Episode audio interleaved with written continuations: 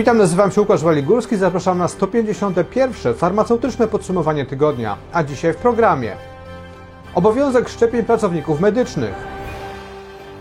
UOKiK wzywa apteki do ujawniania przychodów. Jak apteki mogą informować o testach i szczepieniach? Jest szansa na prawną ochronę dla farmaceutów. W marcu w aptekach zapłoną lampy naftowe. 1 marca wchodzi w życie obowiązek poddania się szczepieniu przeciw COVID-19 przez osoby wykonujące zawody medyczne w podmiotach prowadzących działalność leczniczą. Ten obowiązek dotyczy także techników farmaceutycznych oraz farmaceutów wykonujących swój zawód w aptece oraz w punkcie aptecznym.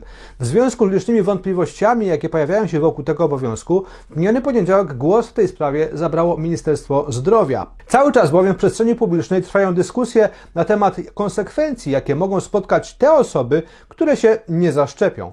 Z komunikatu Ministerstwa Zdrowia wynika, że pracodawca ma prawo oczekiwać od pracownika oświadczenia, czy jest zaszczepiony, czy nie. Do tej pory takiego prawa nie było. W ocenie resortu zdrowia brak poddania się szczepieniu przeciwko COVID-19 może uzasadniać wprowadzenie przez pracodawcę zmian w organizacji pracy pracownika, który nie poddał się takiemu szczepieniu.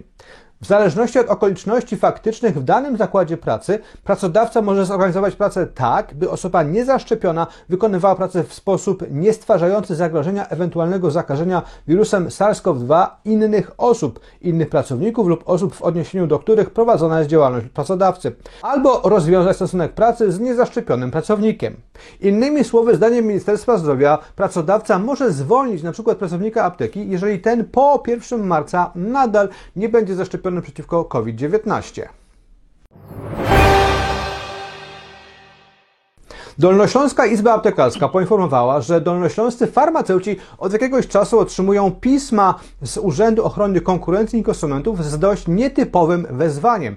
Dolnośląska Izba Aptekarska, w zasadzie jej prezes Marcin Repelewicz, postanowił zainterweniować w tej sprawie w UOKiK i napisał do Dolnośląskiej Izby Aptekarskiej we Wrocławiu zgłaszają się właściciele aptek zaniepokojeni faktem zobowiązania przez prezesa UOKiK do ujawniania informacji stanowiących tajemnicę przedsiębiorstwa w postaci wielkości wielkości przychodów brutto osiągniętych z tytułu sprzedaży wyrobów farmaceutycznych za rok 2020 i 2021.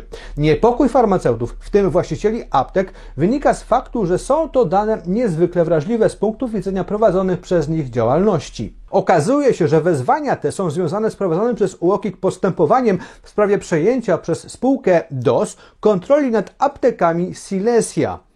Dolnośląska Izba Aptekarska domaga się od UOKiK informacji, w jakim celu są zbierane te informacje i w jaki sposób będą one dalej przetwarzane i przechowywane. Czy będą one dalej jawne, czy będą jednak y, niejawne. Poza tym przy tej okazji Marcin Repelewicz zwraca uwagę na zjawisko konkurencji na rynku aptecznym i jej wyniszczającego charakteru i w tym kontekście innymi zwraca uwagę też na szkodliwą działalność koncentracji na rynku aptecznym, zwracając uwagę również na to, że w prawie farmaceutycznym są zawarte daleko idące normy dotyczące tego, w jaki sposób powinna wyglądać, a w zasadzie nie powinna wyglądać koncentracja na rynku aptecznym. W minionym tygodniu główny inspektor farmaceutyczny zabrał głos w sprawie tego, w jaki sposób apteki, które wykonują szczepienia przeciwko grypie oraz testy na obecność SARS-CoV-2 mogą o tych faktach informować, dlatego że obecnie informowanie o tego typu usługach y, jest dosyć kłopotliwe ze względu na zakaz reklamy aptek. Główny inspektor farmaceutyczny w swoim stanowisku wyraził zdanie, że wszystkie punkty szczepień oraz punkty testowania, niezależnie od formuły działania, powinny być oznaczone według jednolitych standardów. W tym stanowisku czytamy, że w ocenie głównego inspektora farmaceutycznego w oznaczeniu o prowadzonym punkcie szczepień przeciwko grypie i punkcie testowania w e, kierunku zakażenia SARS-CoV-2 nie może być żadnych treści wartościujących ani znaków graficznych, które zachęcałyby do skorzystania z usług i oferty apteki.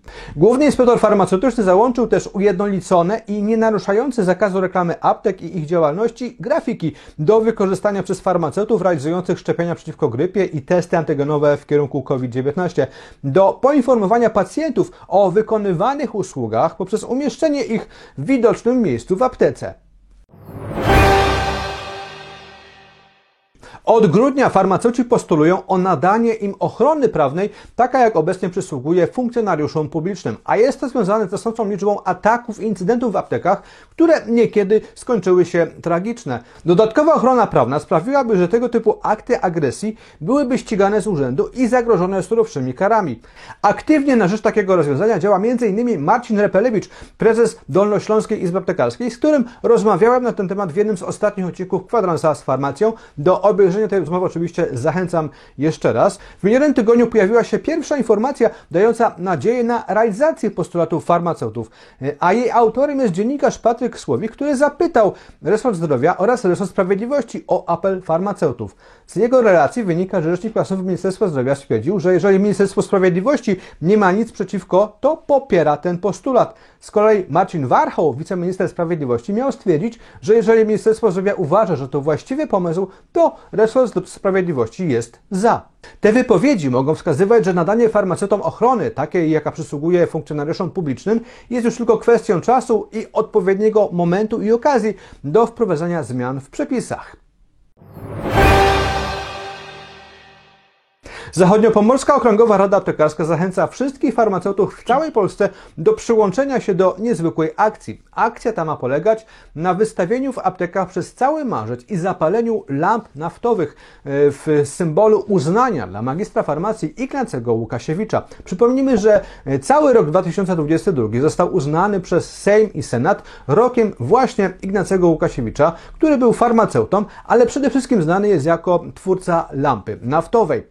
Pomysłodawcą całej akcji jest Jerzy Waliszewski, aptekarz i członek Zachodnio-Pomorskiej Okręgowej Rady Aptekarskiej. A Ignacy Łukasiewicz był przez ponad 30 lat związany z aptekami Podkarpacia i Lwowa. Jest powszechnie znany jako współautor oddestylowania frakcji nafty z ropy naftowej, wynalazca e, lampy naftowej, ale i pionier górnictwa naftowego i petrochemii. Łukasiewicz był też patriotą, był konspiratorem, więźniem politycznym, a następnie wspierał powstanie styczniowe. Zachodnio-Pomorska Okręgowa Rada Aptekarska zachęca do wystawiania lamp naftowych podpisanych imieniem i nazwiskiem Ignacego Łukasiewicza, ale także do wystawiania w witrynach aptecznych mm, podobizn Łukasiewicza, plakatów z jego podobizną oraz opisem tego, kim naprawdę był dla farmaceutów i dla całej Polski.